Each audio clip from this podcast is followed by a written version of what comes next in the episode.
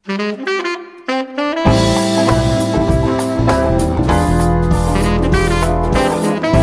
თვალი დაკავებული გაქვთ და საკითხავად არ გცალიათ, ან თუ ჩემსავით სათვალეს ვერ პოულობთ, ან და თუ უბრალოდ მოგენატრათ თვალების დახუჭვა და სხვების მიერ მოთხრობილი საინტერესო ამბებისთვის ყურის მიგდება, მაშინ ეს პოდკასტი თქვენთვისაა. გამარჯობა. თქვენ უსმენთ რადიო თავისუფლების პოდკასტს მოლაპარაკე ტექსტებს. მოლაპარაკე ტექსტებს. მე ბიძინა რამიშვილი გახლავართ.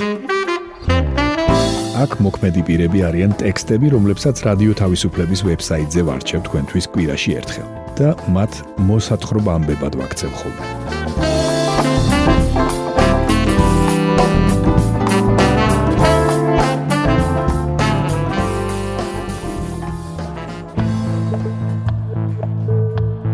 დღეს შევეხებით ცხოველთათვის წამლების შოვნის პრობლემას. გესაუბრებით ბომბსაცავებზე უკრაინაში. მოგითხრობთ ქალებზე ძალადობის შესახებ ირანში. ახლა გაგაცნობთ თეატოფურიას სტატიას ვეტერინარებს რეცეპტის გამოწერის უფლება არ აქვთ სადვიშოვოთ წამლები ცხოველებისთვის. იმის გამო რომ ვეტერინარებს რეცეპტის გამოწერის უფლება არ აქვთ ცხოველები რომლებსაც წამლებით მკურნალობა სჭირდებათ დახმარების გარეშე რჩებიან რუსუდან რუხაძეს დიდი შავი ძაღლი ხავს წლის და 9 თვის კანე კორსო. შარშან ძაღლს გულყრა დაემართა და მას შემდეგ ავადა შირდება წამალი რომლის გამოწერის უფლებაც ვეტერინარს არ აქვს. წამლები მთელი ცხოვრების განმავლობაში დასჭირდება ფენობარბიტალი და დიაზეპექსი, მაგრამ ეს წამლები რეცეპტით იყიდება. ყვება რუსუდანი, რომელსაც სახელმწიფო არ უტოვებს კანონიერ გზას თავის ძაღლს საჭირო მედიკამენტები უყიდოს. ცხოველების მეპატრონეები მთავრობას პეტიციით მიმართავენ. პეტიციაში წერია, რომ სახელმწიფო მისინი არჩევანის წინაშე დააყენა. ან კანონმორჩილ მოქალაქეებად დარჩნენ და ცხოველი სატანჯველად ან სულაც სასიკვდილოდ გაწირონ, ან წამალი შავ ბაზარზე იშოვონ. საქართველოს წვრილი ცხოველების ვეტერინართა ასოციაციის პრეზიდენტი მარიამ ჩხიგუშვილი ამბობს, რომ ძაღლების, კატების, ზღვის გოჭების თუ სხვა შინაური ცხოველების ვეტერინარია სახელმწიფოს არ აინტერესებს. აღარ არის ის დრო ვიძახოთ, რომ ძაღლი კოჭლობით არ მოკვდება. ძაღლი შეიძლება მოკვდეს კოჭლობით. ეს წამლები განსაკუთრებით მაშინ გჭირდება, როდესაც ცხოველს ეპილეფსია ან ნერვული აშლილობა აქვს. რეცეპტი რომ გამოვწერო ვეტერინარი ექიმის სერტიფიკატი უნდა მქონდეს, რომელიც საქართველოსში არავის აქვს. ვეტერინართა სერტიფიცირება გაუქმებულია. მუშაობთ დიპლომის საფუძველზე, ამბობს მარიამ ჩხიგვიშვილი. 2009-2010 წლებში ვეტერინარია რეგულირებადი პროფესიების სიიდან ამოიღეს. რეგულირებადად მიიჩნევა პროფესია, რომლის საქმიანობისთვის პირმა კანონმდებლობით დადგენილი განათლება უნდა მიიღოს და სასერტიფიკაციო გამოცდა ჩააბაროს. თუმცა 2018 წელს ვეტერინარიას კვლავ რეგულირებადი პროფესიის სტატუსი მიენიჭა, ხოლო 2021 წელს საკანონმდებლო ცვლილებით ვეტერინარებისთვის სახელმწიფო სერტიფიკატი ისევ აუცილებელი გახდა. სურსათის ეროვნულ სააგენტოში, რომლის ქვესტრუქტურაში ვეტერინარიაც შედის, რადიო თავისუფლებას უთხრეს, რომ ამ ეტაპზე ჯერჯერობით ისევ მუშაობენ ვეტერინარების სერტიფიცირების სისტემაზე. სააგენტოში ასევე აღნიშნავენ, რომ ქვეყნის მასშტაბით ფუნქციონირებს 44 ვეტერინარული კლინიკა, რომლებსაც აქვთ უფლება მკურნალობის დროს ფსიქოტროპული პრეპარატები გამოიყენონ, თუმცა მხოლოდ ადგილზე უშუალოდ კლინიკაში.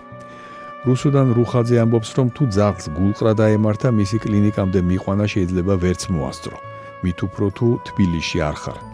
ისეთი შემთხვევაც ჰქონდათ, რომ ძაღლი ცუდად დღესასწაულებზე გაუხდათ. და იმ დროს ღია კლინიკას ვერსად მიაგნეს. წამალი პატრონს სახლში უნდა კონდეს, რომ უცებ გაუკეთოს. არის მსუბუქი გულყრები, მაგრამ ზოგი ცხოველი შეიძლება 40 წუთი იყოს კრუნჩხებში. ჩემი შვილი თავის ოცნებებზე რომ ლაპარაკობს, ამბობს, ძაღლი იყოს კარგადო. ძალიან ძიმე სანახავია ეს გულყრა. ძაღლი გაშეშებულია, ვერ სუნთქავს, გონება ებინდება. პირველად რომ დაემართა, მეგონა კვდებოდა. ციტატის დასასრული. ჯანდაცვის სამინისტროში რადიო თავისუფლებას განუმარტეს, რომ ამ პრობლემის მოსაგვარებლად საკანონმდებლო ცვლილებაა საჭირო, რომლის ინიციატორიც სავარაუდოდ სოფლის მეურნეობის სამინისტრო უნდა გახდეს. თქვენ მოისმინეთ თეატოფურია სტატია ვეტერინარებს რეცეპტის გამოწერის უფლება არ აქვთ. სად ვიშოვოთ წამლები ცხოველებისთვის?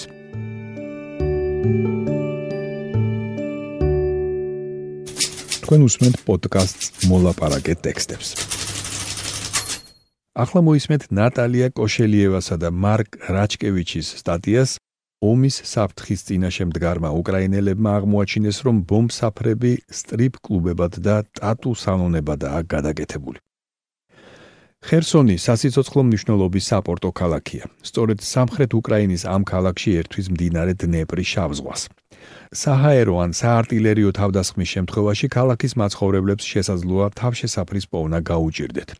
იმის ფონზე, რომ უკრაინის საზღვართან 140.000-მდე რუსი სამხედროს მობილიზება ომის საფრთხეს რეალურს ხდის.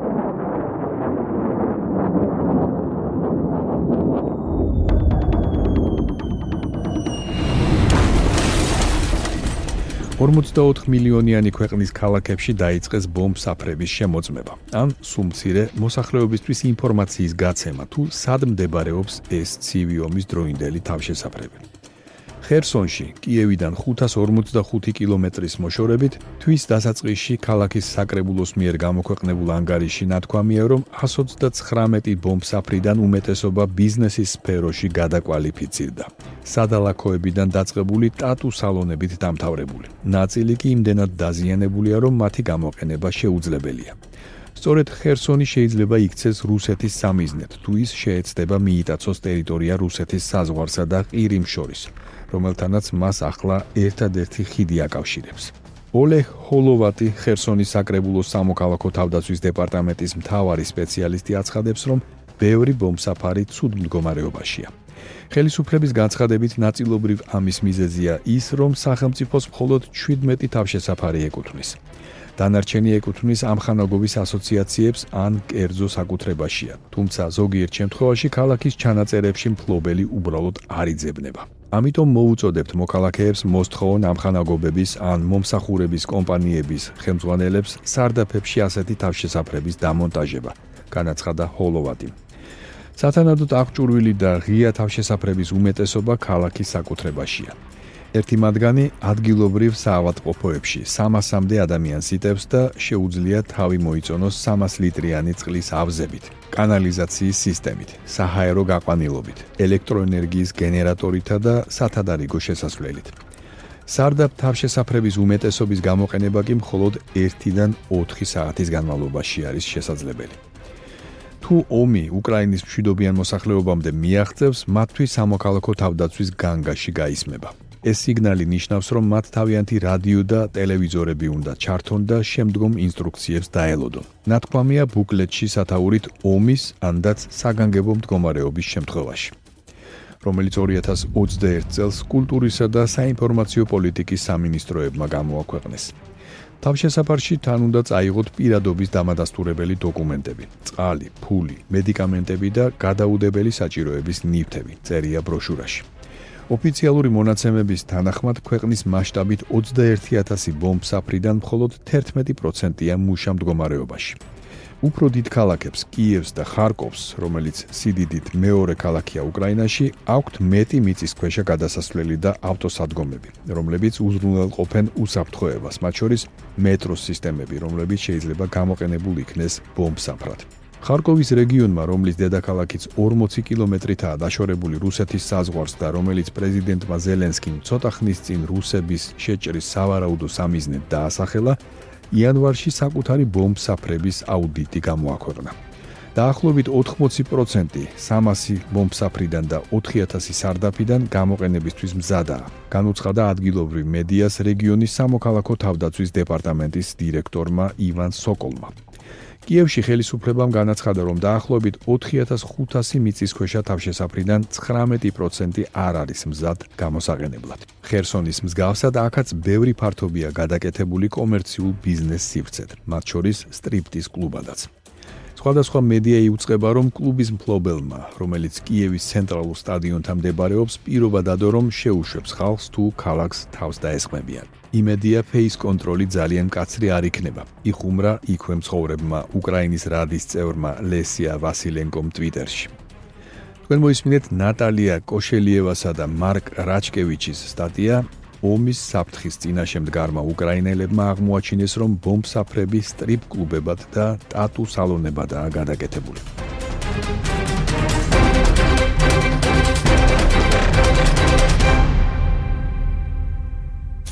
თქვენ უსმენთ პოდკასტს მოლაპარაკე ტექსტებს.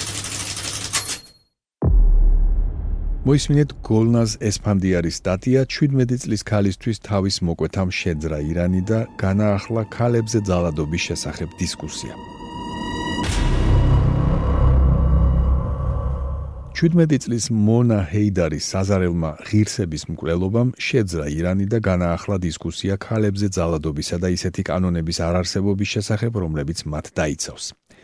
მას შემდეგ რაც საჯად ჰეიდარიმ თავის 17 წლის ცოლს მონა ჰეიდარის თავი მოჰკვეთა, მისი მოკვეთილი თავით ყოველას დასანახად დადიოდა სამხრეთ-დასავლეთ ირანის ქალაქ აჰვალის ქუჩებში და ამით ცდილობდა დაემტკიცებინა, რომ ღირსეული კაცია.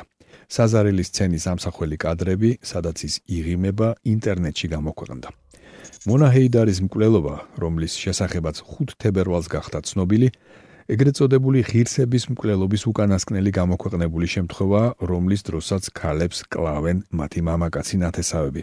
იმ მოტივით, რომ მათ შეურაცხყვეს თავიანთი ოჯახი სავარაუდო მორალური დანაშაულებით, მათ შორის გაქცევის, მრუშობის, განქორწინების მოთხოვნით. ან თუნდაც ოჯახის რეპუტაციის შემლახველი უსაფუძვლო ბრალდებების გამო. მონა ჰეიდარზე ყვებიან, რომ კვლელობამდე თურქეთში გაიქცა სირიელ კაცთან ერთად, რომელიც ინტერნეტით გაიცნო. ახალგაზრდა ცოლი და 3 წლის ბიჭუნას დედა რამდენიმე დღეში მოკლეს, მას შემდეგ რაც ის მამასა და ბიძასთან ერთად ირანში დაბრუნდა და როგორც ამბობენ, თავისი ოჯახისგან უსაფრთხოების დაპირება მიიღო. მისი ქმარი და მისი ძმა, რომელიც მას სავარაუდოდ დანაშაულის ჩადენაში დაეხმარა, დაპატიმრებული არიან. მონა ჰეიდარი იძულებით გაათხოვეს თავის ბიძაშვილზე და მხოლოდ 14 წლის იყო, როცა ვაჟი ეყოლა. ირანული მედიის თანახმად, როგორც ამბობენ, ქმარი მასზე ძალადობდა და უარს ეუბნებოდა განქორწინებაზე.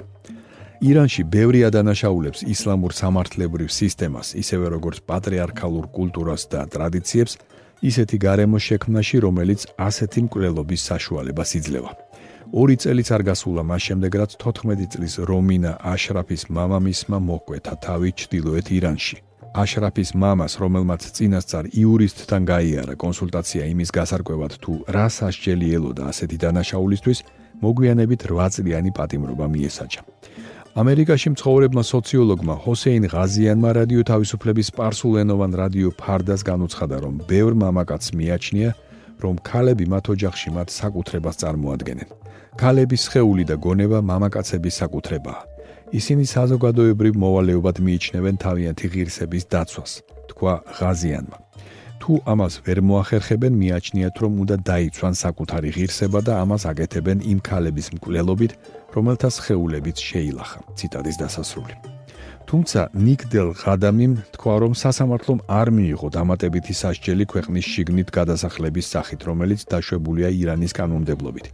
მიუხედავად იმისა, რომ რომინას დედას ძალიან ეშინოდა თავისი სიცოცხლის გამო და ეს საკითხი არაერთხელ დაისვა სასამართლოში, ჩვენ ვერანაირ შედეგს ვერ მივახციეთ. რატომ? იმიტომ რომ არსებობს პრობლემები ამ სფეროში, როცა საქმე კანონს ეხება, თქვა მან. მან ასევე თქვა, რომ სუბუქის ასჯელი მათთვის, ვინც თავის ქალნათესავებს კლავს, უფრო მეტ მსგავს მკვლელობებს უხსნის გზას. ხედავთ, რომ ეს საქმე სასტიკი მკვლელობა ჯეროვნად არ განიხილეს. რომ ამით მაგალითი ეჩვენებინათ. რისი შედეგიც იყო ის, რომ ორი წელიც არ გასულა და ჩვენ კიდევ ერთი ტრაგიკული შემთხვევის, კიდევ ერთი დაკარგული სიცოცხლის მოწმენი გავხდით, თქვა მან. სოციალურმა აქტივისტმა ATP ბარავიემ გასულ თვეში გამომცემლობა ანდიშიე პუიას განუცხადა, რომ ბოლო ორი წლის განმავლობაში ხუზესტანის პროვინციაში 60 ქალი გახდა ღირსების მკვლელობის მსხვერპლი. მაშინ როცა არც ერთი დამნაშავე არ წამდგარა სასამართლოს წინაშე და ოჯახებს სარჩელი არ შეუტანიათ. მისი თქმით, მსგავსი მკვლელობების რეალური რიცხვი სავარაუდოდ უფრო მაღალია. თქვენ მოისმინეთ გოლნას ესპანდიარის სტატია 17 წლის ქალისთვის თავის მოკვეთამ შეძრა ირანი და განაახლა ქალებზე ძალადობის შესახებ დისკუსია.